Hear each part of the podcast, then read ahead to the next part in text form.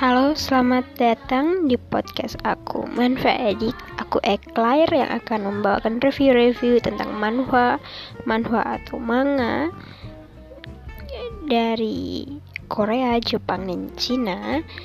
Dari yang underrated sampai yang lagi populer Dari yang udah tamat sampai yang masih ongoing. Dan mungkin kebanyakan bakal lebih ke ongoing. Dan ini juga tergantung uh, maksud aku sesuai dengan manhwa yang aku baca. Jadi aku bakal ngerekomendasiin kalian tentang manhwa-manhwa yang aku baca.